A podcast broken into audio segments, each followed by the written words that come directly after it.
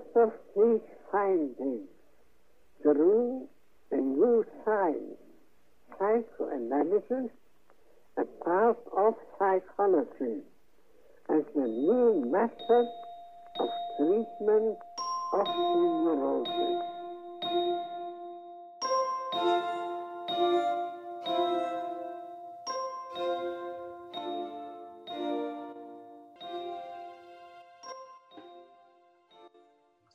Hoş geldiniz yeniden.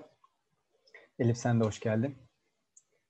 Ee, ikinci oturumumuza başlıyoruz müsaadenizle. Dördüncü maddede kalmıştık.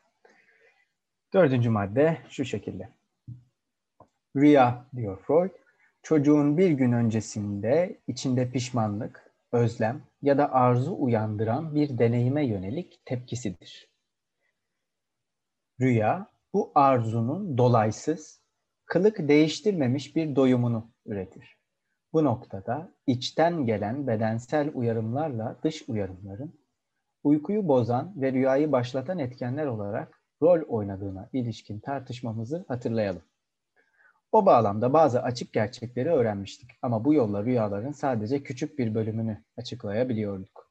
Oysa bu çocuk rüyalarında o türden bedensel uyarımların işleyişini gösteren hiçbir şey yoktur. Rüyalar tamamen anlamlı ve kolayca anlaşılır olduğu için bunda yanılıyor olamaz. Ama bu da rüyaların uyarım kökeninden vazgeçmemiz anlamına gelmez. Bunun yerine sadece bedensel uyarımların yanı sıra uykuyu bozan zihinsel uyarımlarında bulunduğunu, bulunduğunu nasıl olup da unuttuğumuzu sorabiliriz. Her şey bir yana, uykuya dalmak için gerekli ruh halini yani bilginin dış dünyadan uzaklaşması sağlamasına engel olarak erişkin insanın uykusunu bozan baş etkenin bu tür uyarımlar olduğunu biliyoruz. Yaşamına ara vermek değil, onu düşündüren konular üzerinde çalışmak ister ve bu nedenle uyuyamaz. Dolayısıyla çocuklarda uykuyu bozan uyarım ruhsal bir uyarımdır. Doyurulmayan bir arzudur. Ve onlar işte buna rüyayla tepki verirler, diyor Freud.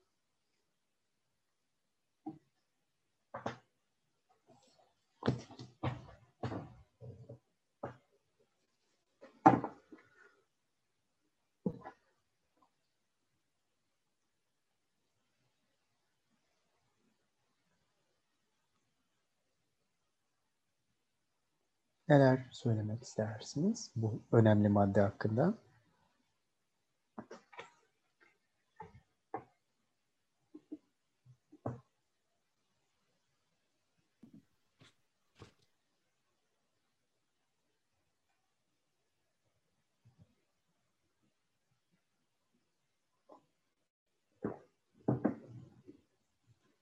O zaman ben şöyle başlatayım. Ben bunu Payel'den okuyorum. Bilginiz olsun ama dördüncü konferanstan bu bir alıntı. Şimdi Freud e, dördüncü konferans artık üzerinden epeyce geçti gerçekten bu konferansı çalıştığımız zamanın ama e, şöyle ifadede bulunuyordu dil sürçmelerinden bahsederken. Belki hatırlarsınız bunu mekanizmanın tasviri için alıntılıyorum. Konuşmacı onu, bozucu niyeti, sözcüğe dökmek istemez ve bundan sonra dil sürçmesi oluşur. Yani bundan sonra geriye ittirilmiş olan sürük degran, gedrant, e, geriye ittirilmiş olan amaç, konuşmacının isteğine karşın ya izin verdiği niyetin ifadesini saptırarak ya onun arasına karışarak ya da tümüyle onun yerini alarak sözcüklere girer. O halde diş sürçmesinin mekanizması budur, diyor Freud. Bunu okumamın sebebi burada çocukların rüyasını Freud'un bize şöyle tasvir etmesi. Rüya, bu arzunun yani aslında dil sürçmeleri bağlamında düşünecek olursak geriye ittirilmiş olan niyetin dolaysız kılık değiştirmemiş bir doyumunu üretir. Bu dolayım, bu, bu niyetin ya da arzunun dolayımlanmasından Freud'un anladığı şey bakın saptırmak, arasına karışmak, sözcüklerin içerisine girmek gibi gayet dil bilimsel meseleler. Yani bayağı mekanizmaya ilişkin meseleler. Bu sebeple belki de e, az önce rüya işini şiir ile beraber düşünebilmemiz mümkün oldu. Çünkü Freud burada e, kelimelerin e, ekonomisine Mehmet Mansur'un deyimiyle cerrahi bir prosedürden bahsediyor. Şimdi bakıyoruz Freud çocuklarda böyle bir prosedürün olmadığını söylüyor. Peki ama o zaman neler söyleyebiliriz bu rüyalar hakkında? Var mı bir yorumunuz?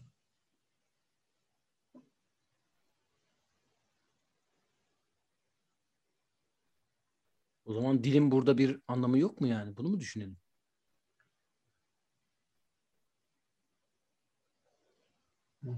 Yani ben onu ima etmek için değil, sadece burada rüyadan dolay, dolaysızlıktan bahsederken Freud dolaylılığın nasıl bir şey olduğunu hatırlamanız maksadıyla bunu dile getirdi.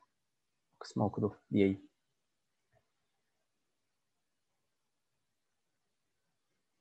Şimdi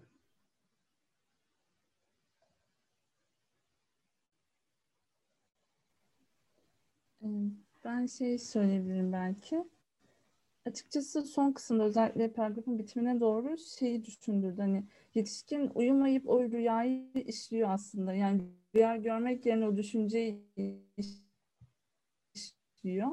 Ve bu yüzden rüyasında o düşünceyle ilgili doğrudan bir şey görmüyor anladığım kadarıyla. Ama çocuk e, bunu düşünmüyor. Direkt uyuduğu için aslında o ilk dönem özellikle belki REM uykusu için bunu söyleyebiliriz. Hani o REM uykusunda gördüğü rüya aslında onun arzusunun doyurulması rüyası. Ama bir yetişkinin arzunun doyurulmasına yönelik gördüğü rüya daha çok uy- uyanmaya yakın oluyor.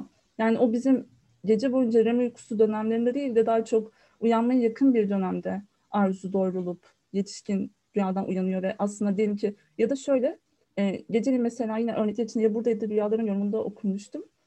E, işte mesela susadığında su içmek için kalkması aslında uyandıran şey ama çocuğu uyandırmıyor sanki bu rüya. Yani sadece yetişkin uyandıran şey çocuğu uyandırmıyor ve o rüya içerisinde çocuk doyuma ulaşabiliyor. Ama yetişkinin aslında asıl doyuma ulaşması için uyanması gerekiyor diye e, okudum. Bilmiyorum siz ne düşünüyorsunuz?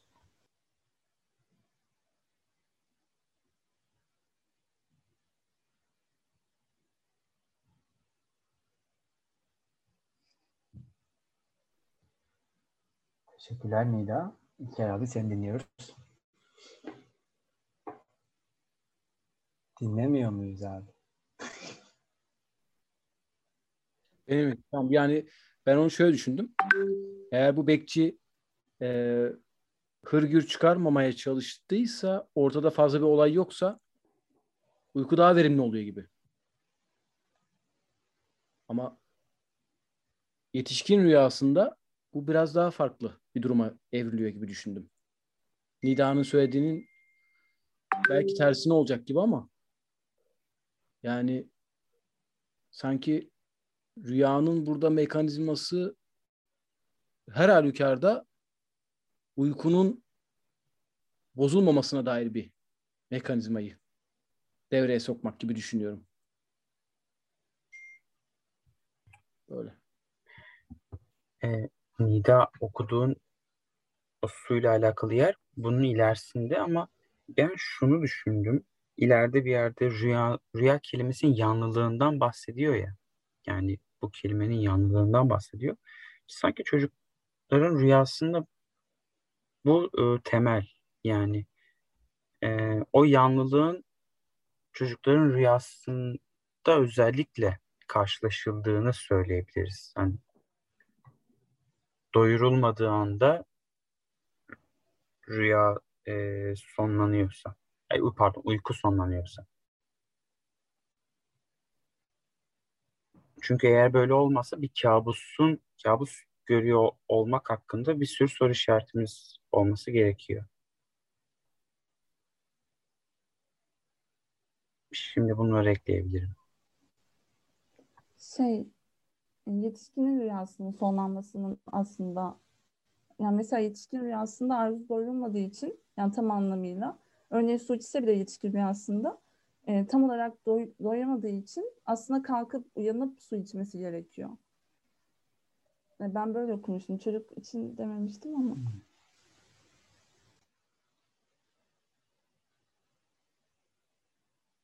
Şimdi benim burada ilgimi çeken şey şu oldu. Öncelikle Nida, senin konuşmanın başlangıcını dinleyemedim çünkü pek hoş olmayan bir haber aldım. Kusura bakma. O kısmı sorun yok. Şimdi bu yüzden bu kısma dikkat çektiysen beni lütfen düzelt. Ee, burada Freud'un bizim için kurduğu ikilikte şunu görüyoruz. Yani çocukların rüyalarından ve yetişkinlerin rüyalarından müteşekkil olan ikilikte yetişkinlerin rüyalarının hem bedensel hem de e, ruhsal, psikik uyarılmaların neticesinde kurgulandığını Freud bize daha evvel de göstermişti. Hatta evvela bedensel uyarılmaların rüyaların içerisinde nasıl işlemlendiğini göstermişti. Yaptığı ilk şey buydu. Hatırlayacak olursanız hatta demişti ki deneysel psikoloji araştırmalarından faydalandığımız yegane yer burasıdır. Bedensel uyarımların tezahürleri. Benim dikkatimi çeken şey şu, burada yani o kadar dikkatimi çekti ki yanlış mı okuyorum diye düşündüm. Freud burada bir çocuğun rüyası için bedensel her türlü uyarımı iptal ediyor mu? Bana mı öyle geliyor? Çünkü çocukların rüyalarını tamam hatta diyor ki onların rüyalarında bedensel uyarımlar söz konusu olamaz. Ama bu bizi uyarımları ortadan kaldırmak zorunda bırakmamalı. Hatırlayın psikik uyarımlar da vardı. Çocukların rüyalarını bunlar etkileyebilir diyor Freud. Değil mi? Bu ilgi çekici bir ayrım değil mi sizce de? Bedensel olanı iptal edişi Freud'un. Ne düşünüyorsunuz bu konu hakkında?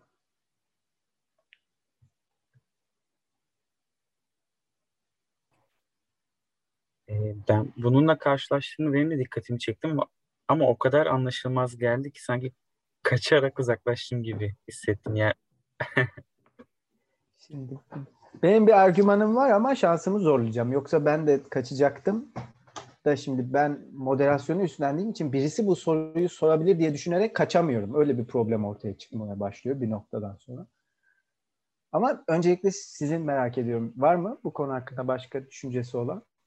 Çünkü garip yani. Garip gözüküyor. Şey düşündüm. Yani bedensel uyarımların işleyişini gösteren hiçbir şey yoktur. Ee, yani sanki bir e, yetişkine göre çocuk bu arada ben çocuk derken bayağı küçük bir çocuk olarak düşünüyorum. Hani 7-8 ya da 10-12 yaşlarında değil bayağı böyle burada 5 dediği için galiba 5-6 yaş aralığında bir çocuk düşünüyorum hep. Ee, o yüzden hani o yaş aralığındaki bir çocuk üzerine bir şey söyleyeceğim. Sanki bir e, yetişkinin kendi bedensel uyarımlarının, kendi bedeninin tanıması ve neyin niye olduğunu anlaması, bilmesiyle bir çocuğun daha kendi vücuduna e, yabancı olmasıyla alakalı olabilir mi? Ya da bununla ilgili olabilir mi diye düşündüm.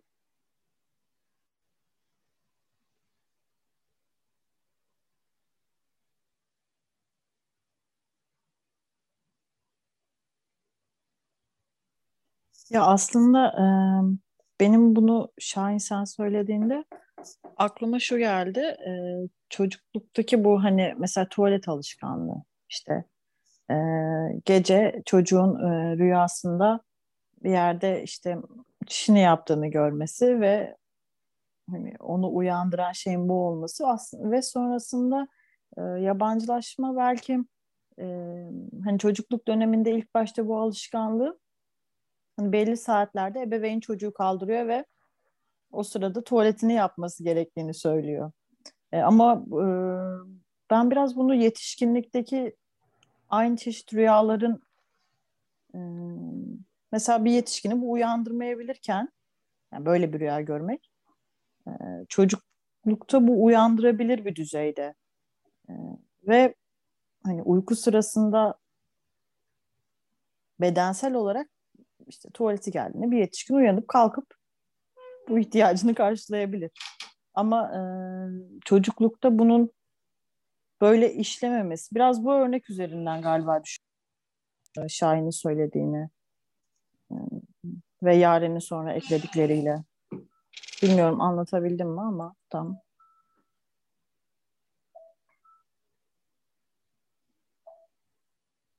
Şey gibi sanki hani orada bedensel uyarımların farkında oluşa bir e, ötekinin etkisi gibi hani onu uyandırıp götüren e, ya da hani sonuçta Yetişkine bunu yapan yok. Yetişkin kendisi yapıyor bunu. Ama çocukta sanki bedensel uyarımlar olarak e, bakım verenin diyeyim e, uyandırıp o bedensel uyarımı sanki o veriyormuş gibi. Ya da hani onun e, bedensel uyarımını e, daha gelmeden şey galiba bu örneği Şahin vermişti analizde inşalarda. Bir kanalda sesi nasıl kesiyorsunuz önceden, nereden biliyorsunuz neyin nereden geldiğini diye örneği galiba sen vermiştin Şahin. Hani sanki bakım verenin de buna benziyor. Ee, o söylediğinde geliyormuş. O söylediğinde onu götürüyormuş tuvalete gibi. Bedensel uyarım bakım verendeymiş gibi. Evet aslında kısmen e, söylemek istediğim bu şekildeydi. Teşekkür ederim toparladığın için. Rica ederim. Var mı ekleme yapmak isteyen? Bu için chatten ekleme yapmış. Ben Tamam. sözlü olarak ekleyeyim. Yaren konuşurken şey aklıma geldi. Yani şimdi çocuk derken kaç aylık ya da kaç yaşında bilmiyoruz ama çocuğun kendi bedeninin sınırlarını ne zaman öğrendiği demek yanlış olabilir ama yani bir çocuğun bedeninin sınırlarına dair farkındalık da tuhaf olabilir ama sanki burada bir mesele olabilir diye düşünüyorum.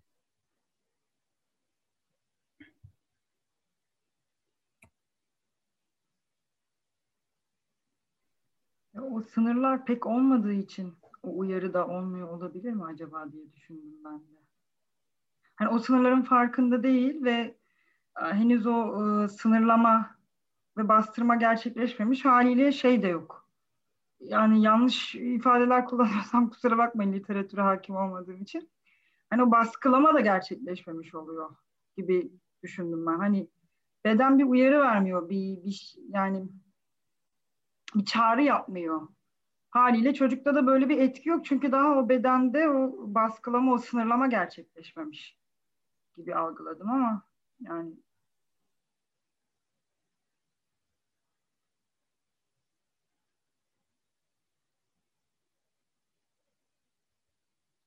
Ben yapılan katkıları bir araya getirirken İlker abinin de haftalar evvel söylediği bir şeyi hatırlatacağım. Öncelikle Yaren Hanım'a, Ezgi'ye, Batuhan'a çok teşekkür ederiz. Elif'e çok teşekkür ederiz. Gelen katkıların e, kesiştiği nokta bir başkasının müdahalede bulunduğu ya da bu tırnak içerisinde görülmesi gereken ihtiyacın bir başkasına yöneltildiği, bir başkasıyla vesilesiyle karşılandığı, bir başkasının bu ihtiyacın tanınması, bir başkası tarafından bu ihtiyacın tanınması vesilesiyle karşılandığı şeklinde hep sahneye bir başkasını sokmak suretiyle gerçekleşen aslında belki de çocuğun tırnak içerisinde söylüyorum uyarımın sorumluluğunu alabilecek yaşta olmadığı bir yaş aralığından bahsederken bu bir başkasını dahil ederek de bakım verenin rolünü belki gündeme getirmiş olmuş oldu. İlker abi bize şöyle söylemişti bu bedensel uyarımların rüyalardaki tezahürlerini Freud e, tartışma konusu ettiğinde. Tamam tamam da beden beden mi? Bedensel uyarımın e, bedenin uzanımına işte uzuvlara nasıl tekabül nasıl tekabül ettiğini, bu ilişkinin nasıl gösterildiğini, bedenin nasıl temsil edildiğini rüyada biliyor muyuz ki? Yani tamam beden rüyayı tetikleyebilecek çeşitli uyarımlara sebep olabilir. Ama bunun nasıl temsil edildiği bedenin kendisiyle aynı bir ve aynı şey olmak zorunda değil demişti İlker abi. Burada burada bir burası burası dolaysız olduğunu kabul edebileceğimiz bir nokta değil demişti sanki. Yanılıyorsam beni lütfen düzelt İlker abi. Ya da eklemek istediğim bir şey varsa. İlker abi dondu mu? Ben mi dondum? İlker abi o kadar uzun süre şaşırmayacağım. Göre dondu. Hah, geldi. Heh, tamam.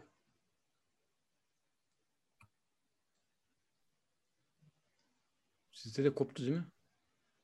E, karşılıklı diyelim İlker abi. Var mı eklemek istediğin bir şey? Doğru mu özetleyebildim İlker abi? Koptuk, kaçırdım biraz sanki ama tamam. Dinliyorum ben ama. Ee, şöyle şöyle söylemiştim İlker abi. Hani sen e, bu bedensel deneyimlerden bahsederken bize e, bu e, Freud'un bu e, konuyu ele alış biçiminin yani bir bedensel ger gerginliğin e, rüyadaki tezahürü noktasında bu temsilin rüyada bir temsil, gerginliğin rüyada bir temsiliyet haline gelişinin o kadar dolaysız, o kadar doğrudan bir geçiş olmadığından bahsetmiştim. Beden bedene eş mi diye sorarken yani bedenin fenomenolojisiyle ilgili bir problemi ortaya çıkarttığında. Ne söylemek istersin? Onu bize bir hatırlatmak ister misin? Yani mümkünse. Orada ben şunu demek istemiştim aslında. Doğru hatırlıyorsam eğer uyarın. Bedenin uyarımlarının olmaması bedenin olmadığı anlamına gelmez demiştim sanki.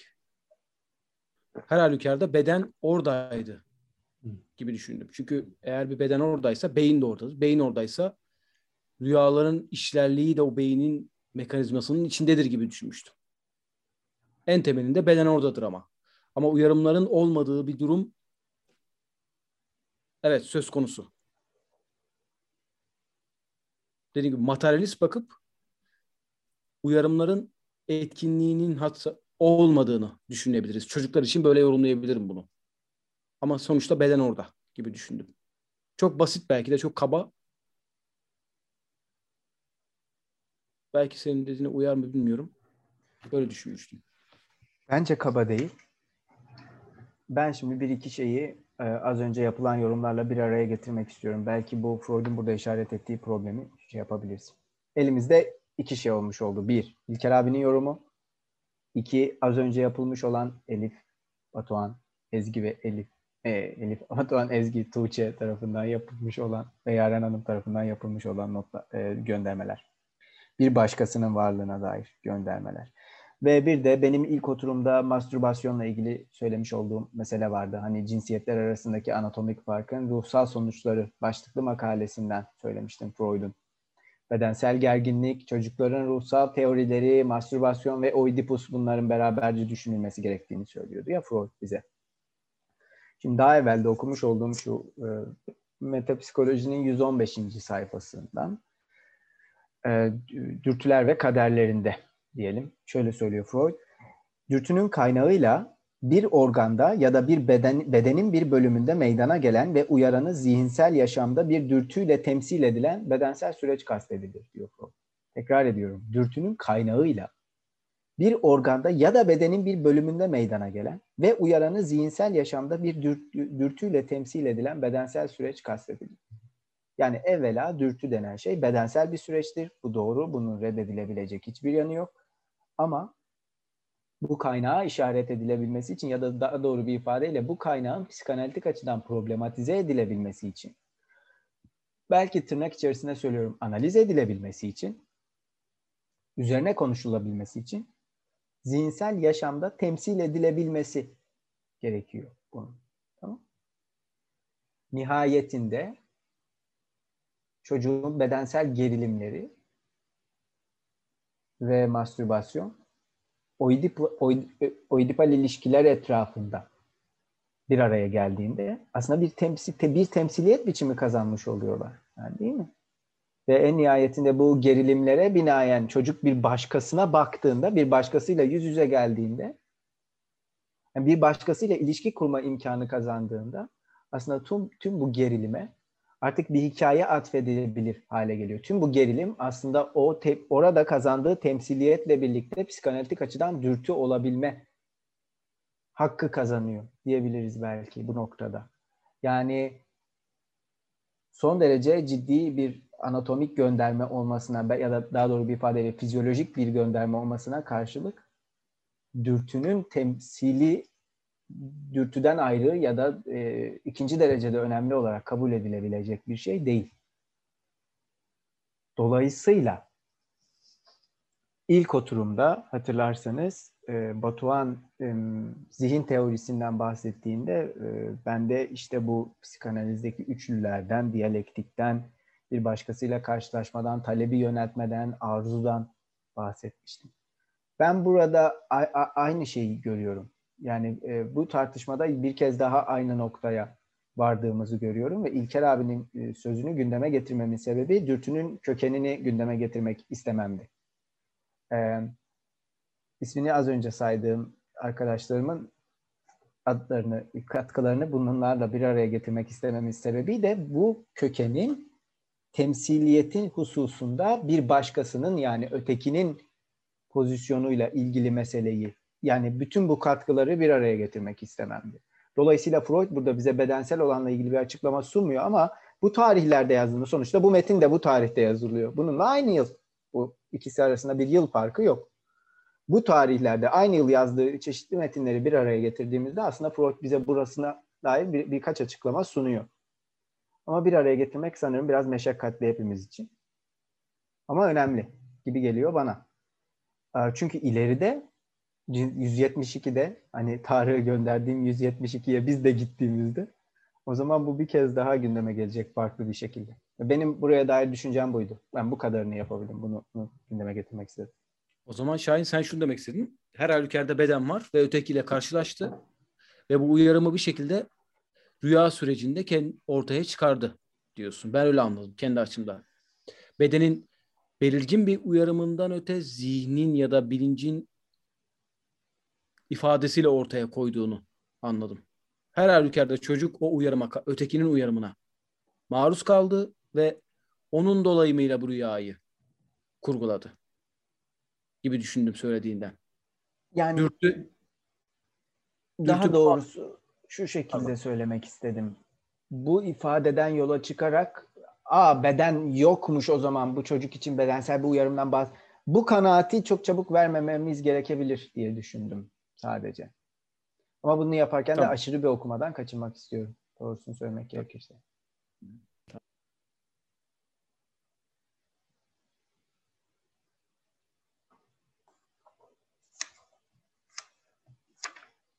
Ekleme yapmak isteyen var mı?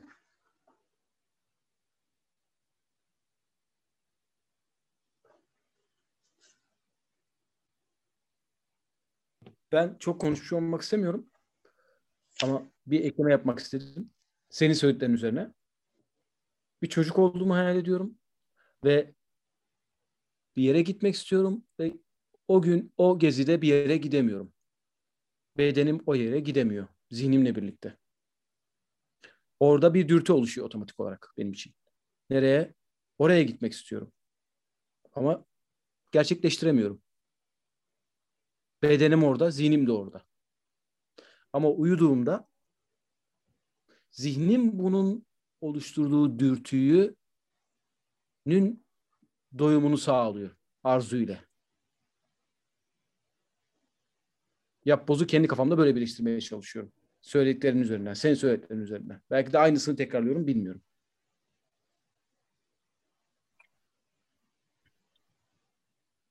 Ama neden bir yetişkin için aynısı olmasın? Yani şey gibi söyledin. E, çocuk bedeni çünkü oraya yolluyor gibi söyledin sanki. Çünkü ötekinin izni olmadan çocuk oraya gidemiyor. Veya onu gerçekleştiremiyor. Gerçekleştiremediği için doyurulması gereken bir arzu ortaya çıkıyor gibi düşünüyorum. Bunu da doyuramadığı için rüyasında doyuruyor gibi. Ama yetişkin bu diyelim ki yetişkin onu gerçekleştiremiyorsa rüyasını nasıl görür bilmiyorum. Bu kadar dolaysız bir rüya görür mü onu bilmiyorum. Şimdilik en azından.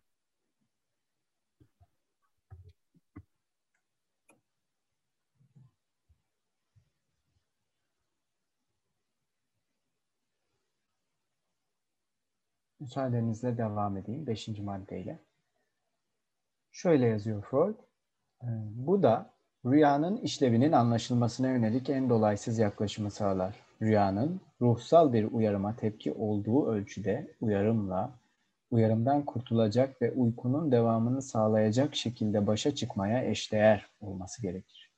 Rüya yoluyla uyarımla bu şekilde başa çıkmanın dinamik açıdan nasıl olabildiğini henüz bilmiyoruz. Ancak rüyaların uykuyu rahatsız eden etkenler değil, uykunun bekçileri olduğunu ve uykuyu bozan etkenlerden kurtulmamızı sağladığını artık biliyoruz. Rüya görülmemesi halinde daha iyi uyuyacağımızı düşünürüz. Ama yanılırız. Gerçekte rüyanın yardımı olmazsa hiç uyumamış sayılırız. Bu kadar iyi uyumamızın nedeni budur. Ama tıpkı kopardıkları gürültüyle bizi uyandırmaya çalışan ve huzuru bozanları kovalayan bir gece bekçisinin birçok durumda biraz gürültü çıkartmaktan kaçınamaması gibi rüyalar da bizi rahatsız etmekten kaçınamaz, diyor Freud. Saf edebiyat. Mis. Freud'u e, Elif Okan Gezmiş'in bu konuda güzel bir yazısı vardı. E, Çevirmenler Birliği'nin web sitesinde yayınlanan Freud çevirileriyle ilgili. Yani Fransızca, Türkçe, İngilizce, Almanca'daki çevirileri beraberce değerlendiriyordu çeviri süreçlerini. Yani hem onun hem de diğer başka kişilerin de çokça söylediğini işittiğim bir şey şudur ki Freud'un Almancadan İngilizceye çevrilirken dili çok ciddi bir şekilde tıbbileştirilmiş yani medikalize edilmiş dili. Yani Almancadaki Freud çok daha şairane bir Freud'muş. Ama biz de İngilizce çevirinin bir türevini okuduğumuz için bizim okuduğumuz Freud bazen böyle çeşitli anlarda ortaya çıkıp pörtleyen e, çeşitli edebi haller, ha, anlar yaşasa da genelde çok medikal bir Freud. Ama işte kateksis gibi işte e, bu narsizm üzerine de neydi ya o acayip bir kelime uyduruyor sıraçı bağlanmayı açıklamak için. Anakletik, anaklitik gibi böyle kateksis gibi acayip kelimeler uyduran Freud'un kendisi değil. Bu kelimeler Freud'a ait değil. İngilizce çevirmenlere ait. Ve artık bırakılıyorlar. Ya da başka çeviri problemleri var. Yani onları çokça konuştuğumuz için konuşmaya gerek yok ama. Yani Freud'un üslubu da üslubu kastre ediliyor yani. Yani şöyle söyleyeyim. Freud Anglo-Sakson diyarlarda bir bilim insanı olmak için kastre ediliyor Freud'un eseri.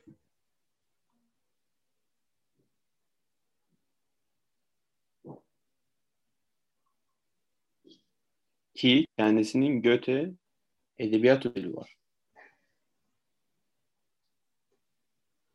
Almış mı? Almış. böyle bir edebiyat ödülü geyiği vardır. Verdiler ama almamış falan. Yani Mesela ben dünyada bu kadar kestirilebilir bir hareket olabilir mi ya? Hani edebiyat ödülü alan alan birisinin ödülü almaması. Ne o kadar klişe ki yap yapılmamalı artık yani. Ödülü almama hani. Nasıl bir bilmiyorum. Garip geliyor bana. Bunu ödül için mi söylüyorsun, edebiyat ödülü için mi söylüyorsun? Ödülü almamak için söylüyorum. Ödül, ödülü almıyorum. Kabul etmiyorum. Dünyada hangi ödülü bu kadar kabul edilmiyor hiç bilmiyorum. Mesela var mı bu kadar reddedilen ödül? Yani merak ettiğim için soruyorum. Bildiğiniz var mı? Herhangi bir ödülün bu kadar reddedildiği. Çok ilginç bir durum. Yani Woody Allen Oscar ödüllerini almıyor. Tamam ama Woody Allen tek başına çok e, iyi bir örnek değil. Çünkü tek başına ya o yüzden. Hani tek başına ya, da, ya ben bu Allen'dan bahsediyorum. Olarak... Ödülün kendisinden bahsediyoruz. Yok anladım. Ama ben şu olarak düşündüm orayı. Bu ödülün alınmamasının bazen politik sebepleri de oluyor. Siyahillere hiçbir zaman ödülün verilmemesi gibi. Bu sebepten dolayı almıyor. Ya da atıyorum yönetmenlerin ee, tacizci olması, bilmem şu olması, o jüri bölümünde olması ödülü kabul etmemeleri gibisine. Ama senin bir yandan dediğini duyuyorum yani.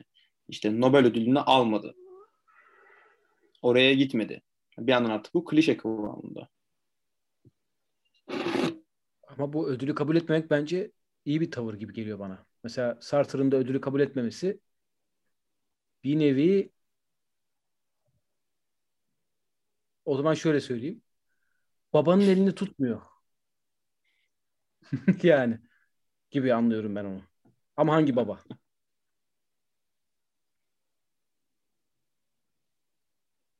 Yani çok e, bir e, çok kuvvetli bir argümanım yok bu konuda ama genellikle böyle mekanizmaların e, çeşitli şeyleri yeniden ürettiğini inanıyorsanız bu ırkçılık olabilir, mizojini olabilir örneğin. İnkar etmek ya da reddetmek pek iyi bir strateji değil gibi geliyor bana. Örneğin ödülü içeriden yıkmak Eğer mümkünse buna dair bir şey geliştirilebilirse daha kuvvetli bir strateji olabilir. Ödülü alarak ödülü reddetmenin çeşitli imkanları varsa bence sanki bu denense daha iyi olabilir. Çünkü siz ödülü reddettiğinizde önümüzdeki yıl başka bir beyaz heteroseksüele verilebilir mesela. Ve bu da siyahi gaylerin hiçbir işine yaramaz örneğin. Sanki. Neyse. Ee, bu beşinci madde konusunda e, söylemek istediğiniz bir şey var mı? Bekçilik meselesinden epeyce bahsettik ama yine de hani bizim için artık önemli bir mesele oldu bekçilik. Ama yine de şey önemli değil mi? Güzel bir açıklama. Bekçinin gürültü yapmaktan kaçınamaması.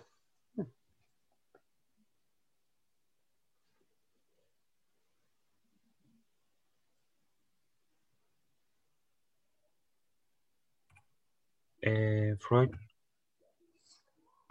dil sürçmelerinde de adli bir olaya götürüyordu bizi.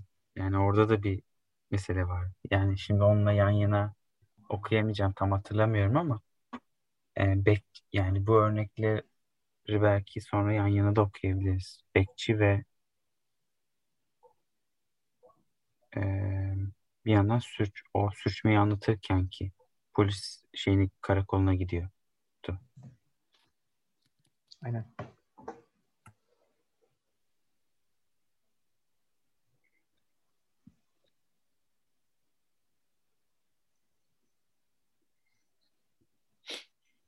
Var mı Batuhan'ın işaret ettiği örnekle ilgili bir şey söylemek isteyen?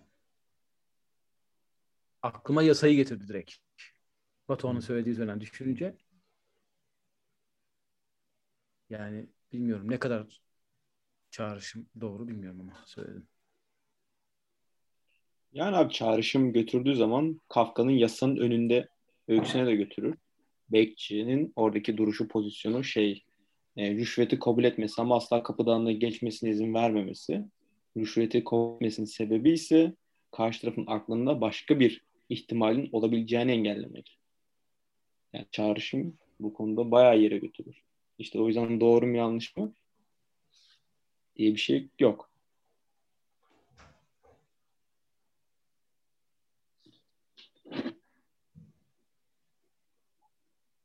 Görüşmek üzere Aleyna. İyi akşamlar. Kendine iyi bak. Bir şey sorabilir miyim? Ee, burada rüyaların uykuyu rahatsız eden etkenler değil, uykunun bekçileri olduğunu, e, işte uykuyu bozan etkenlerden kurtulmamızı sağladığını artık biliyoruz diyor. Bir de çocuklar üzerinden okuyorsak eğer, e, çocukların e, kabus görmesi, bağırması, uykuda bağırması, hani e, bağıran çocuklar hani ya da neyse. Orada artık e, şey mi oluyor? Yani rüya yardım olmazsa hiç uyumamış sayılırız. Sanki burada biraz e, rüya bekçilik görevini hani bir önceki şeye götürüyorum galiba ama e, görevini kötüye mi kullanmış oluyor? Artık rüyadan hani tamam belki kabus deniliyor fakat ona da kötü rüya diyecek olursam e, oradaki bekçilik görevini e, kötüye mi kullanmış oluyor? Çünkü e, açıkçası e, bunu şöyle sormamın sebebi bana bir e, film sahnesini hatırlattığı için e, onu hatırladım birden. Hangi film Hangi diyeceğim? sanki? E, şeydi e, bekçileri. e, Dekalog'du.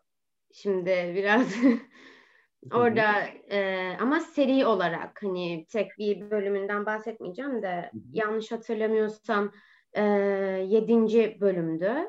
E, orada çocuğun kabus görerek e, yani rüyasında habire bağırmasını e, ve hani artık çocuğu böyle sarsarak hatta belki bağırarak vurarak uyandırmaları buradaki rüyaların uykuyu rahatsız eden etkenler değil demesi bana biraz hani böyle biraz fazla film sahnesi üzerinden düşündürten bir şey oldu. Şöyle patoloji düşünüyorsun aslında. Çünkü. DSM'ye göre bu yani psikopatoloji e, yani hastalık. Burada bahsedilen içerikler genelde evrensel tırnağını koymuştuk yani böyle Çocuk Ben biraz adı oradan çıkıyorum galiba ya hani.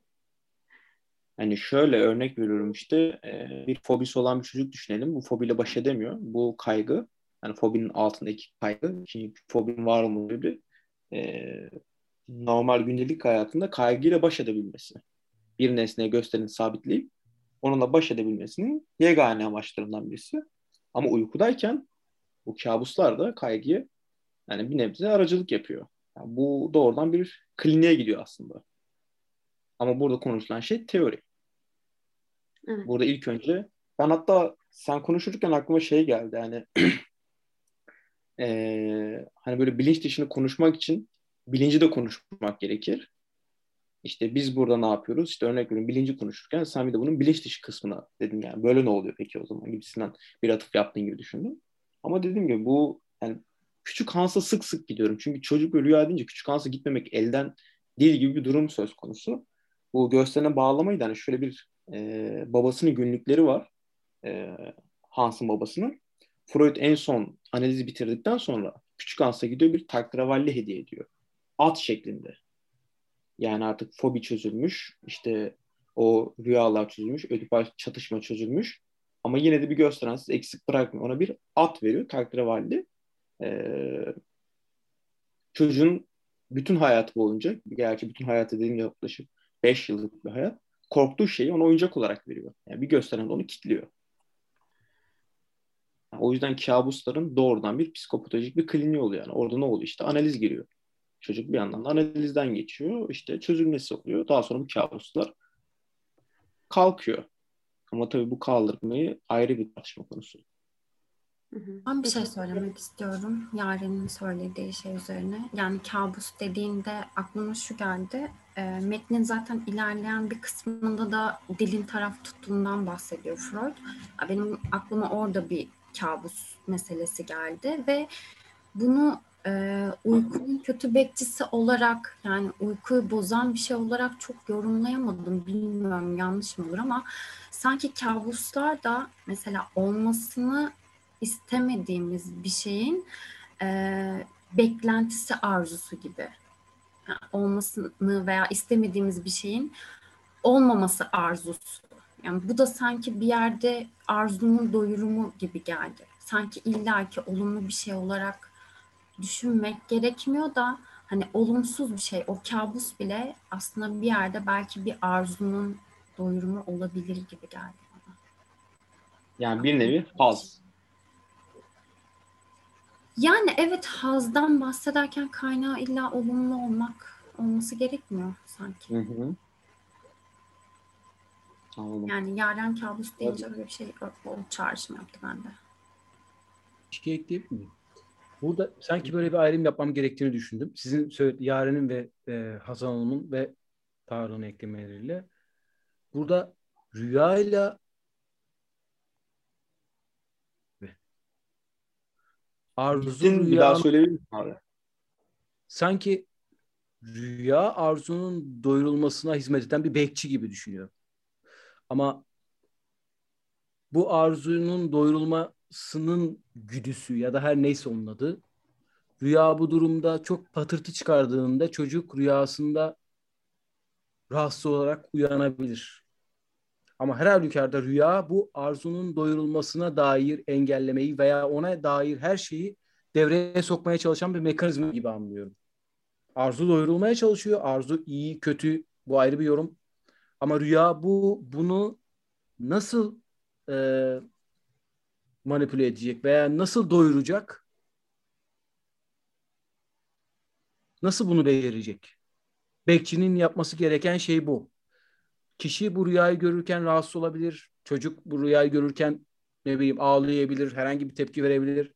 Ama sonuçta o rüyadaki bekçinin ben her halükarda uykuyu devam ettirmeye çalışan bir iyi niyetli bir patırtı çıkaran bir iyi niyetli bir yapılanma gibi görüyorum. Böyle anladım. Ama arzu ve rüyayı ayırıyorum aslında.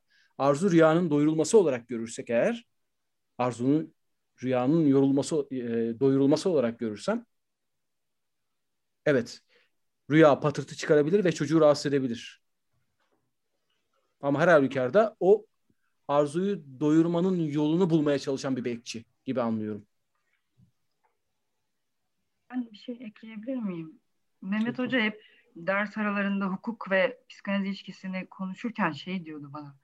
Lacan diyordu çoğu yerde arzuyla yasayı birlikte yani aynı şey gibi kullanır. Birbirinin arka yüzü gibi. Ama çok da arka yüzde değil aslında falan. Aynı şey gibi kullanır diyordu. Benim aklıma aslında birazcık o geldi ve bu anlamda genelde de şöyle bir şeyde tartışıldığını düşünürsek sonuçta yasa kendi ihlalini içinde taşır. Demin görevi kötüye kullanmayan bekçi yoktur derken bunu demek istedim. Yani görev dediğimiz şey zaten kötüye kullanılmayı ya da ihlal edilmeyi içinde taşıyor ya.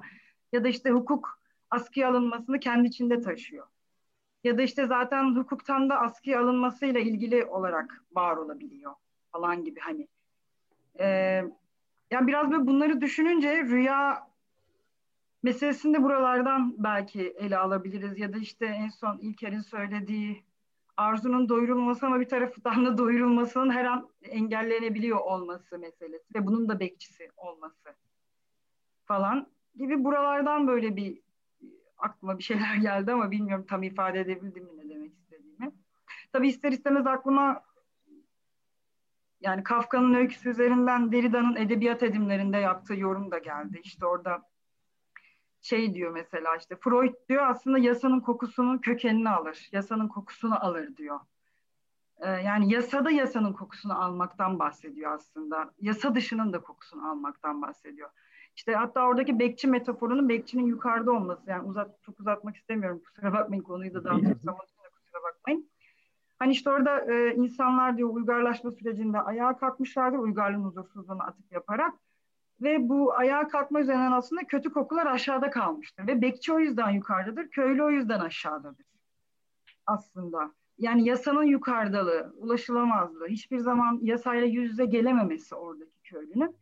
Biraz aslında buralardan tartışır ve o aslında e, dürtünün bastırılması üzerinden. Yani kötü kokular unutuldu ya da kötü bir şey olarak o zaman algılanmaya başladı der ve buradan cinselliğin bastırılması üzerinden bir yorum yapar. Belki rüyaları da e, buraya yerleştirebiliriz ve rüyanın bekçisinin yukarıdalığını aşağıdalığını da belki buradan tartışabiliriz. Bilmiyorum ne demek istediğimi anlatabilirim ama.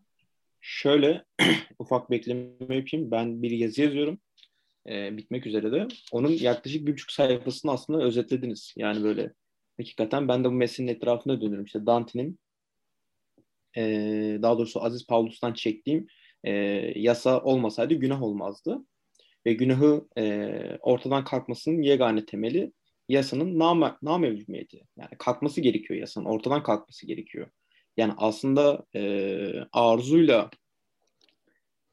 e, yasanın yan yana okuması buradan doğuyor. Çünkü cehennemin ikinci katı da e, şevketler katı yani daha doğrusu e, kendi arzuların etrafında dönen insanlar. Ve oradaki cehennemin işkencesi sürekli bir girdap haline dönmesi. Aynı arzunun peşinden koşmaları. Ve yasanın yukarıda olması, yani bekçinin de yukarıda olması, e, Tanrı'nın da e, cennette en üst katta olması. Ve İsa'nın da sürekli yukarıdan aşağı inmesi. İsa sürekli yukarıdan aşağı iniyor, ruhları kurtarıyor, geri yukarı çıkartıyor. Alıyor, çıkartıyor yukarı. Hakikaten yani güzel bir okuma yapmışsınız.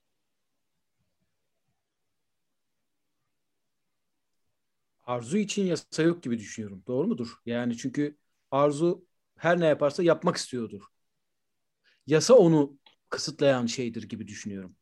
Benim kafamda böyle bir yapı var. Mesela ben bir şeyi arzularım. Arzuladığım şey yasa dışı da olsa, yaşa, yasa dışıysa orada bir, bir yine yasa var.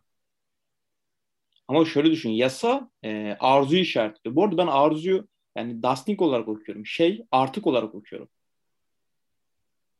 günah olarak okuyorum daha doğrusu. Daha doğrusu bu Mehmet Mansur'un günah okuması Mehmet Mansur'a ait. Mehmet Mansur günah olarak okuyor.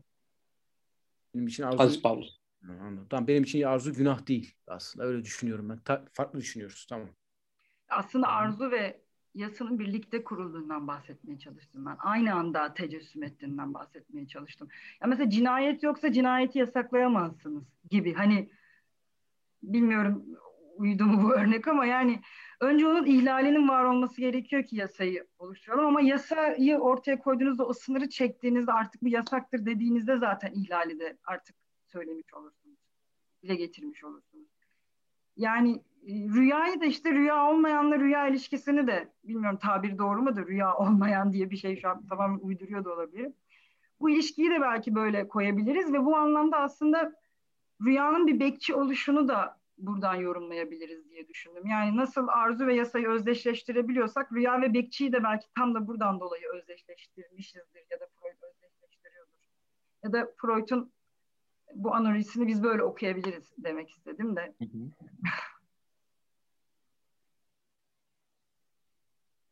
bu arada teşekkür ederim Tarık. Rica ederim. Şey metinde devam etmeyeceksek ben bir de bu tartışmayı da bölmek istemediğim için sormadım bir süre de.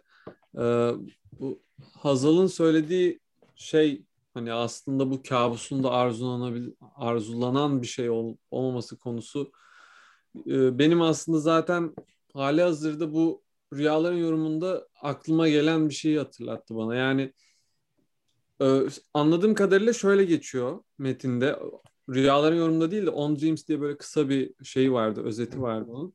Orada hani rüyanın bir isteği tatmin etmesi durum var ya onu ifade ederken şöyle diyor. En az bir his e, bir isteği tatmin ediyor olması. Yani ben şey düşünüyordum. Bir isteği tatmin ediyor falan ama bütün içerik bir istek tatmini mi? Yani içeriğin e, yani öyle bir sürü farklı ayrıksı niteliğe sahip bir içerik rüya ya. Yani farklı farklı küçük öğeleri var.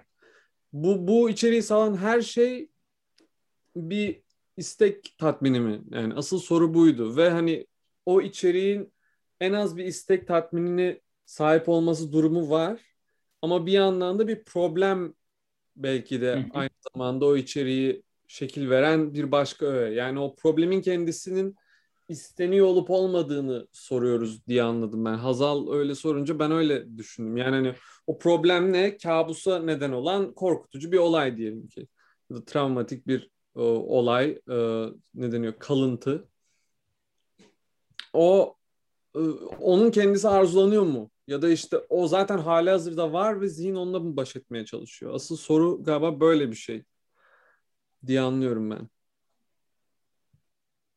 O siz oradan bir çatallan şey ayrı bir yere gittiniz ama hani o oraya da ben bir geri dönmek istedim. Aklım orada kaldı diye bu, bunu sorayım dedim.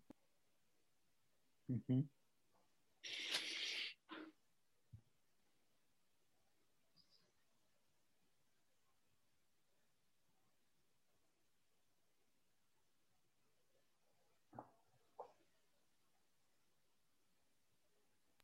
Çünkü şey yani aslında o eğer problem bir istenen bir şey değilse uykuya hizmet etmiyor. Yani aslında sürekli o uykunun uzakta tutmaya çalıştığı şey eğer bir bekçilik varsa ve bekçi bir şeyi e, yani uykuyu sağlamak için bir şeye karşı savaşması gerekiyorsa karşı savaşacağı şey e, bu olabilirdi diye düşünüyorum ama ben de sorduğun soru çok güzeldi. Yani rüyanın bütünü mü yoksa öğeleri mi? Ee, mi şeye bir doyuma hizmet ediyor dedim. Bu hmm. soru benim için askıda kalır. Ee, ama kabus meselesi için bence acele ediyor olabiliriz. Çünkü henüz problematize etmiş bile olmayabilir yani. Yani kabus zaten demiyor ama Ama belki biz acele ediyoruz bence. Kabusu hemen konuşmak için. Ben öyle düşünüyorum.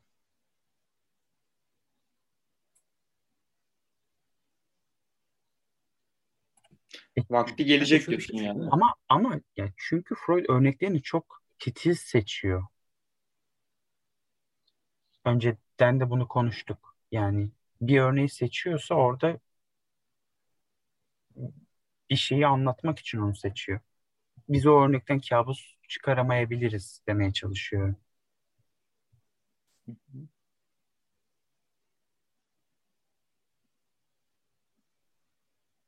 Kimsenin sözünü kesmiyorum değil mi? Tarık konuşacak mısın? Aa, yok abi buyur. Orada bedeni mesela çocuk üzerinden düşünüyorum. Şimdi orada derken çocuk istediği yere gidemiyor. Gerçek bedeni ve zihni oraya gidemiyor. Ama rüyasında oraya gittiğini görüyor. Sanki gerçek hayatta kuramadığı o izlenimleri sanki bir makine misali.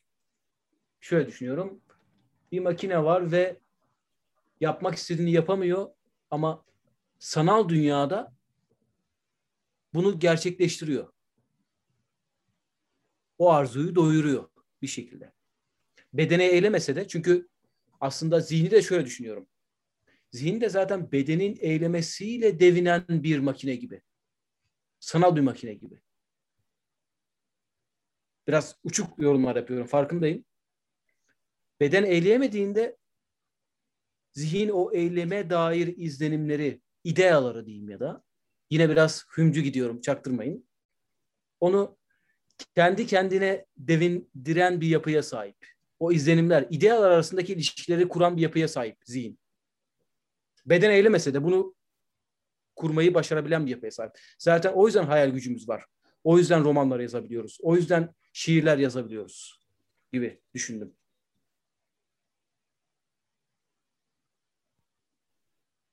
İlker abi Jack'te bir tane not var, dipnotu var. Devam edeceğiz diye. Bence sen bunu devam. Yani belli senin burada çok çağrışımı var. Bu yazıya gider yani. Biz seni burada böyle kastretmiş olmayalım o düşüncelerini.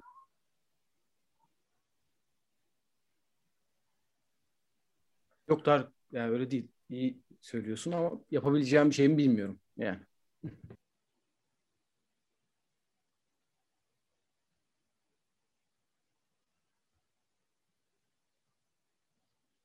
Söz alan herkese teşekkür ederiz.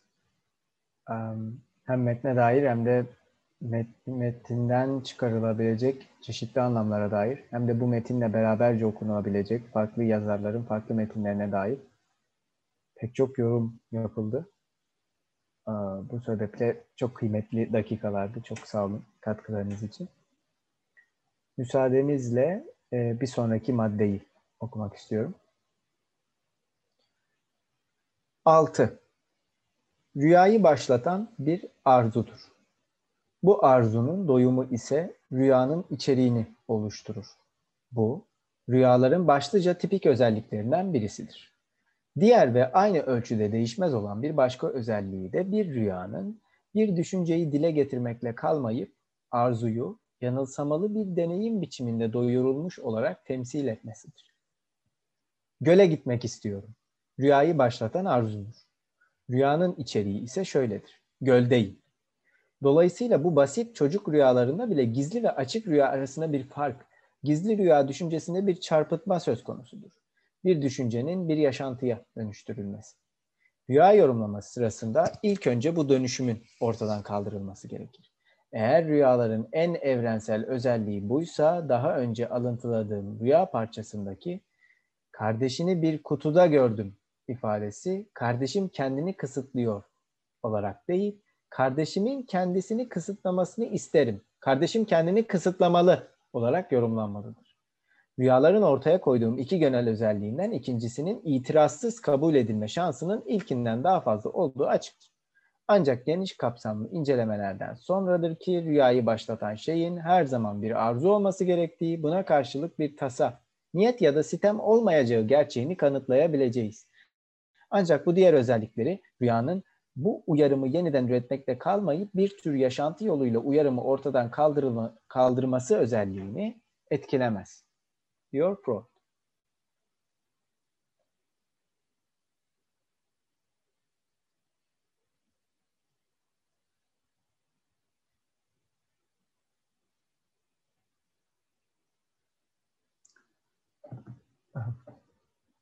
Var mı bu önemli hususta almak istediğiniz bir söz?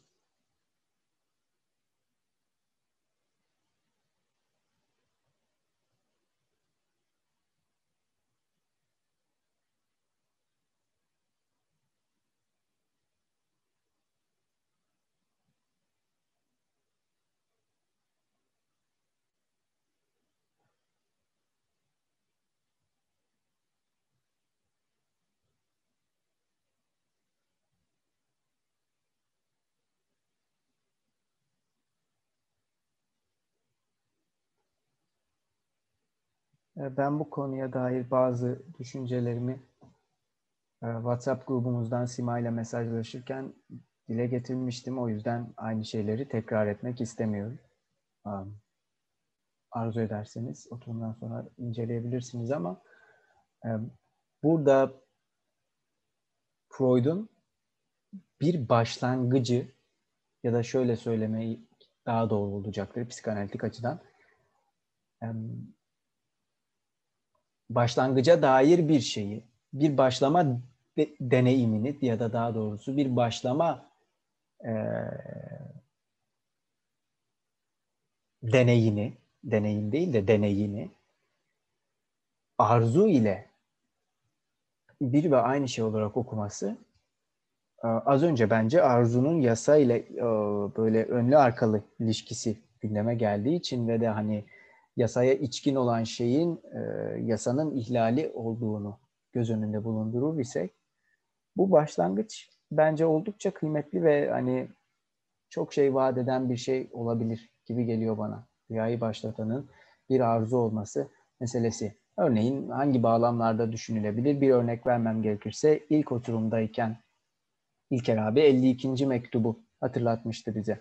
Orada Freud e, defalarca kez belki konuşmuşuzdur. Şöyle söylüyordu. Benim teorimin en önemli yanı, benim teorimin tek yeni yanı diyordu Freud 1896'da. Hafızanın birden fazla kez kurulmasına yönelik tezidir. Tez, tezdir diyordu Freud. Hafızanın birden fazla kez kurulmasını mümkün kılan şey o tarihlerde Freud bize arzu demese de bir gösterge olarak isimlendiriyordu bunu. Yani bu gösterge belki bunu işte Nami Başar'ın e, tetikleyen diye çevirmesini signifier'ı göz önünde bulunduracak olursak belleğin bir başlangıç bir başlangıç vesilesiyle yeniden kurulmasına yol açacak şekilde tetiklenmesi meselesini buradaki arzuyla beraberce düşündüğümüzde ve Freud'un örneği bir belleğin imkansızlığını, çevirinin imkansızlığını arzuyla beraber okuduğunu düşündüğümüzde bence bu bir şeyler vaat edebilecek bir problem olabilir. Bilemiyorum sizler ne düşünürsünüz? Ama Freud'un burada bu o noktada en azından bir cinsel artıktan bahsetmesi, yeniden ve yeniden kurulan bir hafızadan bahsetmesi, dolayısıyla bir tarihsel ge- gerçeklik hükmünü hep e, tırnak içerisinde söylüyorum mesiyanik bir geleceğe atfetmesi, arzuyu ve yasayı birbirinin içine sokması bir kenara dursun. Bir de burada çeviriyle ilgili bir mesele var. Çünkü Freud bize orada farklı yazılar gösteriyor. Şimdi ben de e, ucundan da olsa sizin tartışmanıza dahil olmak isterim. Az önce devam ettirdiğiniz e, yasaya ilişkin olan. Ama müsaadenizle bunun için bir notumu not açmam gerekiyor. Bu Burak Maşalacı ile şu anda yazmaya devam ettiğimiz yazıdan bir dipnot. Şimdi ben bu notta şunu yapmaya çalışacağım. Az önce arzudan ve yasadan bahsedildi ya. Şimdi ben bu arzu ve yasa meselelerine e, şimdi burada meselemiz bir yandan bilinç dışı ve bilinç öncesi ve bilinç olduğu için Freud'un topolojisini ve çeviri problemini dahil etmeye çalışacağım. Çünkü burada en azından Freud'da rüya işini konuşurken derdimiz çeviri değil mi? Yani arzunun rüyadaki çevrimi, çocuktaki ve erişkindeki farkı aslında bir translation problemi değil mi? O yüzden müsaade ederseniz bir iki paragraflık bir notum var sizinle paylaşmak istediğim. Ben bu noktada az önceki yasa tartışmasıyla ve çeviri tartışmasıyla beraberce okunabileceğine inanıyorum. Şimdi özet geçeyim en azından bana yani sizden rica ettiğim süreyi kısaltmış olurum. Bilinç dışı başlıklı makalesinin ikinci bölümünde şöyle yazıyor Freud. Bir ruhsal eylem bilinç dışı sisteminden bilinç ya da bilinç öncesi sistemine geçtiğinde bu geçişin söz konusu düşüncenin yeni bir ruhsal konuma yerleştirilebilecek ve yeni yan ve yanı sıra ilk bilinç dışı tescilin varlığını sürdürdüğü yeni bir kaydını sanki ikinci bir tescili içerdiğini mi düşünmemiz gerek? Yani Freud diyor ki bir çeviri işi söz konusu olduğunda bilinç dışında yani bir rüya işi örneğin değil mi? Aynı mekanizma işlemiyor mu bu noktada? Bir çeviri söz konusu olduğunda çevrilenin yani bu içeriğin topolojide yeri değiştiğinde iki tane tescilden mi bahsetmeliyiz artık diyor. Registration problemi var burada tamam mı? Tescil dediği şey register. Yani hem bir yazı problemi hem de bir kayıtlanma problemi var ya burada. bu kayıtlanma problemi birazdan yasa ve vatandaşlık meselesiyle beraberce düşünüldüğünde ilginç bir noktaya varabilecek. En azından ben böyle düşünüyorum. Yoksa geçişin düşüncenin durumunda bir değişikliği, aynı malzemeyle ilgili ve aynı yerde gerçekleşen bir değişikliği içerdiğine mi inanmalıyız? Yani diyor ki Freud, acaba yoksa değişen şey içerik değil de, daha doğrusu iki tane tescil değil de içeriğin doğasının değişmesinden bahsedeceğiz. Örneğin bilinç dışından bilinç öncesine geçerken. Tescili ne yapacağız diyor Freud, tamam ee, şöyle düşünebiliriz sanki. İlk ihtimal çifte vatandaşlık. Tamam. İkinci ihtimal ise bir başka ülkeye geçiş için eski ülkedeki vatandaşlığınızı bırakmak zorunda kalmanız. Yani ilkinde çifte vatandaş olabiliyorsunuz. İkincisinde diğer ülkedeki haklarınızdan vazgeçmeniz gerekiyor. Yeni bir tescile ihtiyacınız var. Yeni bir kimliğe ihtiyacınız var. Ama yeni bir kimlik demek yeni bir yasaya tabi olmanız demek. Şimdi az önce hep yasadan bahsettiniz siz ve arzudan bahsettiniz. Ee, örneğin Derrida'nın konukseverlik metninden biliyoruz. Levi Strauss'un Nambikvaralarla karşılaşmasından biliyoruz. İşte e, e, yine Derrida'nın aynı metinde alıntıladığı üzere e, Sokrates'in yargılanması sürecinden biliyoruz vesaire. Pek çok yerden biliyoruz ki e, yasa onunla aynı dilde olmanızı bekler. Aynı diyalektte olmanızı bekler. Aynı şeyi konuşmanızı bekler sizin onu duyabilmenizi ve karşılığında onun da sizin de onunla onun, ona kendinizi duyurabilmenizi ister. Anlaşılmak ister. Yasa size kendisini anlamama imkanı vermez. O yüzden az önce ödülün reddedilmesinin iyi bir cevap olmadığından bahsettim. Orada önemli olan şey onu anlamama ihtimalini belki yaratmak. Daha radikal olabilecek olan şey şu olabilir. Şimdi ben burada şöyle bir soru ortaya attım. Şimdi burada bir çeviri problemi var editör buraya iki tane dipnot düşüyor. Tamam. Şimdi iki dipnot tamamen çeviri sorunuyla alakalı. Freud'un İngilizceye çevrilmesinde ortaya çıkan sorunlar. E, İngiliz, e, Payel'de görebilirsiniz. Öteki yayınlarında bu makale yok. Burada düşünce şöyle yazıyor dipnotta editör. Burada düşünce doğasındaki şeklinde diye karşılanan tamlama düşünceye karşılık gelen Almanca Vorstellung kelimesidir. Bu bir. İkincisi diyor Freud. Burada Freud tarafından daha doğrusu ben diyorum. Burada Freud tarafından sorunsallaştırılan tescil meselesi ilk kez onun yazdığı işte 52. mektupta gündeme geliyor. Şimdi ne olmuş oldu? Elimizde bir çeviri problemi var. Tamam? Ee, açıklamam buydu. Şimdi size paragrafımı okuyacağım ve daha sonra buna karşılık sizden bugün başka hiçbir süre talep etmeyeceğim. Ama bunu kesinlikle okumam gerektiğine inanıyorum. Çünkü bence bu ilgi çekebilir. Burada ilk sorun şudur diye yazmışım. Madem burada Freud'un Vorstellung'u düşünce şeklinde çevrilmeye direniyor. Şimdi Vorstellung önemli bir kelime. Çünkü biliyoruz ki biz işte mesela rüyada hafıza izlerinden bahsediyoruz değil mi? Bugün çeviriden bahsediyoruz, kalıntılardan bahsediyoruz. Bunların hepsi Freud için bir Vorstellung ve Ding, Die Sache, Das Ding, Fortvorstellung meselesi, Object Vorstellung meselesi hepsi bilinç dışı makalesinin son bölümünden geliyor. Tamam? Diyorum ki madem burada Freud'un Vorstellung'u düşünce şeklinde çevirmeye direniyor. O halde varsa direnmediği yerin editör tarafından bize gösterilmesi gerekir. Nerede Vorstellung'u düşünce diye çevirebiliyoruz ki Freud'da? Burada çeviremeyelim. Benzeri bir sorun ile Lacan'ın 11. seminerde değindiği üzere haz ilkesinin ötesinde de karşılaşılır. Bu kez size editör içgüdü diye çevrilen trip kelimesinin içgüdüden ivedilik vurgusu daha fazla olan bir anlam taşıdığını bile getirir. O halde Freud'un çeşitli yerlerde trip'ten ayrı olarak instinct kelimesini kullandığını bilinmesine rağmen niçin burada trip içgüdü diye çevrildi? Bu durum alelade bir çeviri tercihi meselesi olamaz. Çünkü çeviri sorunu alelade olamaz evvela. Derrida diyor ki bize konukseverlik üzerine metninde çeviri sorunu daima bir konukluk sorunudur. Daima bir konuğa dair bir sorundur diyor Derrida bize çevirinin. Freud'un 52. mektupta bize gösterdiği üzere psikik alanda psikikte yani aslında oraya bir yer olarak işaret ediyorum yani bir mekan olarak psikikte çeviri sorunu bastırma sorunudur. Freud bize böyle diyor. Bir şeyi çevirmek bastırmakla ilgili bir sorun. Bakın yasa vardı, çeviri vardı, bastırma geldi.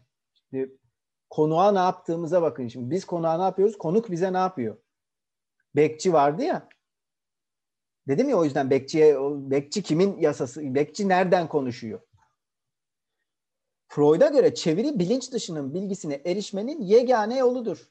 Bilinç dışı olan hakkında konuşulabilmesi için onun bilinçli bir şeyin kendisine karşılık geleceği şekilde çevrilmesi gerekir. Bu işin neticesinde elde edilen sonuç için ise şöyle söyler.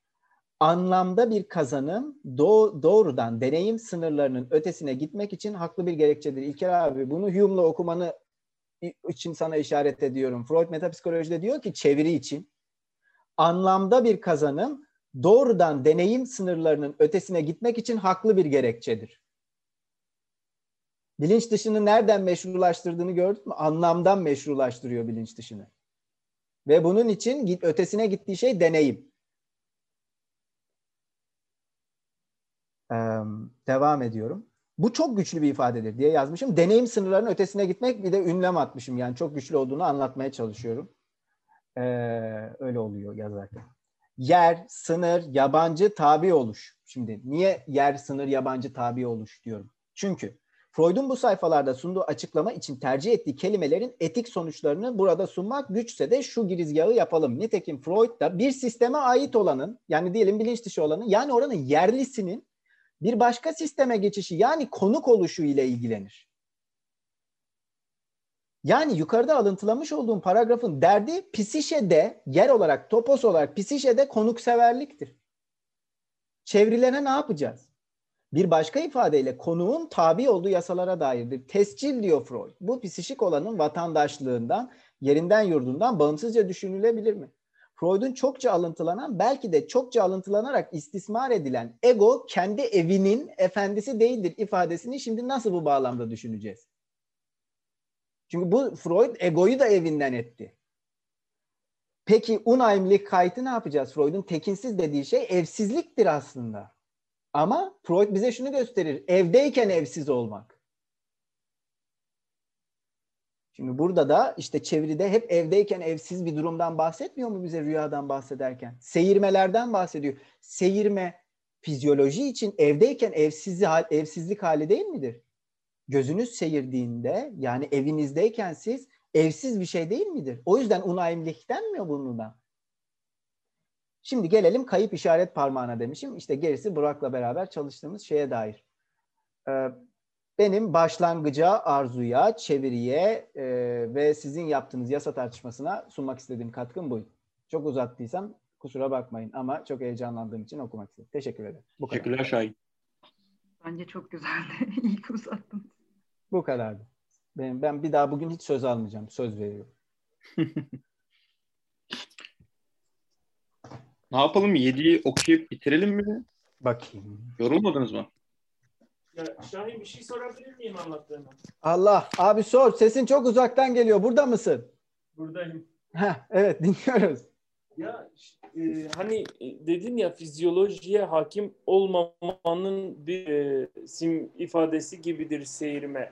Aynı zamanda dedin bu evsizlik halini hatırlatıyor. Hı hı. Bu noktada ego bir beden şeyine mi benziyor acaba? Hani fizyolojik hmm. bir şeye mi benziyor? Şimdi bu konuda vallahi bu tartışmayı yaratan Freud'un kendisi benim suçum değil. Çünkü 1923'te diyor ki ego her şeyden evvel bedensel bir egodur. Sonra 10 yıl sonra diyor ki ego her şeyden evvel bir öznedir. Burada e, bunun sorumluluğunu bize almak düşüyor. Acaba Freud burada birbiriyle çatışan iki şeyden mi bahsediyor? 1923 ego first and foremost bir bedensel egodur. Sonra 1933'te diyor ki yok efendim ego her şeyden evvel bir öznedir. Konuşan öznedir. Yeni giriş konferanslarında. Arada 10 yıl var. Sanki Çünkü ikisi de doğru gibi. Pardon, pardon. Ben çok heyecanlandım. Tamam. Pardon. evet abi dinliyoruz abi. Sesin gelmiyor abi. Mağaz bölmeyeyim sen gir. E, ya kastettiğim şu sanki ikisi de bana doğru gibi geliyor çünkü egonun dönüşümüne de nedense ben açığım. Yani insanın e, ruhsal, zihinsel e, dönüşümüne paralel olarak egonun da bence şey olarak dönüşümü olabilir. Yani e, ilk başlarda bir bedensel e, simgeye işaret ederken yıllar sonra ruhsal ya da e, özne dediğimiz bir şeye tekabülü bence mümkün olabilir yani.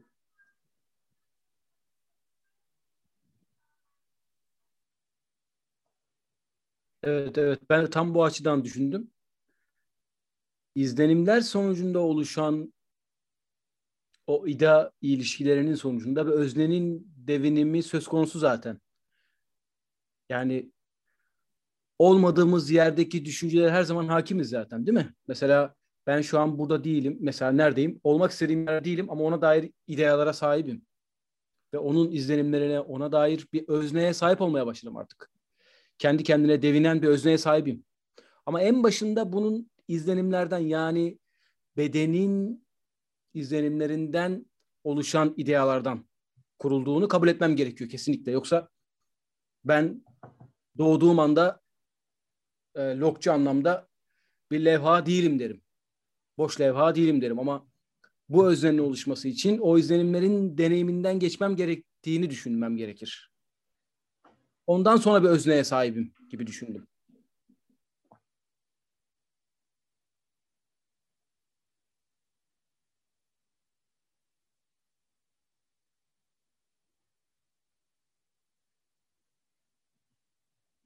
Yorumlarınızı yaptıysanız Tarık'ın sorusunu yeniden dillendirmek isterim. Yedinci maddeyi okuyup bu haftayı tamamlayalım mı? Yoksa bu haftayı bu öylelikle mi tamamlayalım?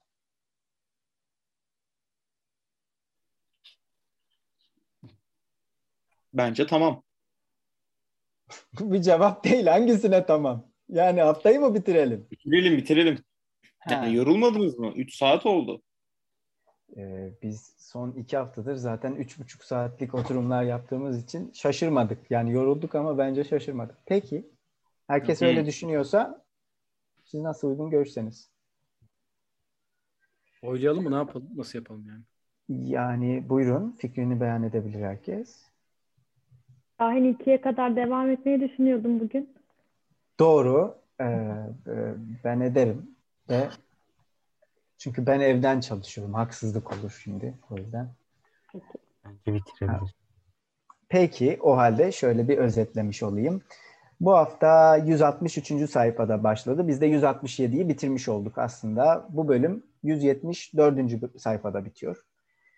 Ee, takriben 6-7 sayfamız var. Ee, zaten bir haftada yaklaşık olarak bu kadar ilerliyoruz. O yüzden önümüzdeki hafta 8. konferansı tamamlayacağımızı ya da tamamlamak üzere toplanacağımızı düşünebiliriz. Ee, katkılarınız için hepinize teşekkürler. Bence her zaman olduğu gibi çok keyifli bir oturum oldu. Ee, yaklaşık tam olarak tam olarak da 3 saati tamamlamışız. Ee, her oturumdan sonra gruba bir fotoğraf atıyorum. O yüzden ben bugün aramıza yeni katılanlar var. Belki fotoğrafta bulmak istemezler. O yüzden kameralarını kapatabilirler. Bu şekilde gelmeyenlere nispet yaparak önümüzdeki hafta gelmelerini sağlıyorum. Şöyle oluyor. Her zaman gelenler gelmiyor ve yeni insanlar geliyor. Yani birileri mutlaka geliyor ama hedef kitlemize ulaşabildiğimiz konusunda şüphelerim var. Ama işte hedef kitle dişini çektirdiğini falan iddia ediyor. O yüzden yani. Ee, peki isterseniz kameranızı kapatabilirsiniz. Nasıl uygun görürseniz bilginiz olsun. Tamam. Ee, Poz mu vereceğiz? Verdik. Ben çektim bile seni. Vermemiş miydin? Ben Geçmiş vermedim. olsun. Aa, ben beni hiç Tekrar, ki. onu onu bütün çevre ben de çekiyorum o zaman. Ben de Ben- çekiyorum. ben- Sen de ben- oturdun gruba. Hadi bakalım. tamam tamam bir daha çekelim. Kimse kimseye canını sıkmaz. Peki poz verebilirsiniz. Başlayabilirsiniz o halde.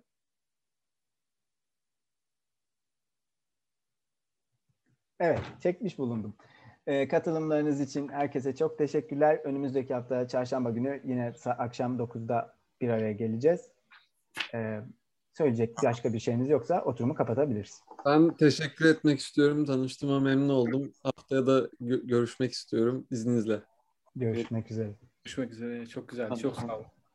Çok teşekkürler herkese. Herkese teşekkürler. İyi geceler. İyi geceler. Evet.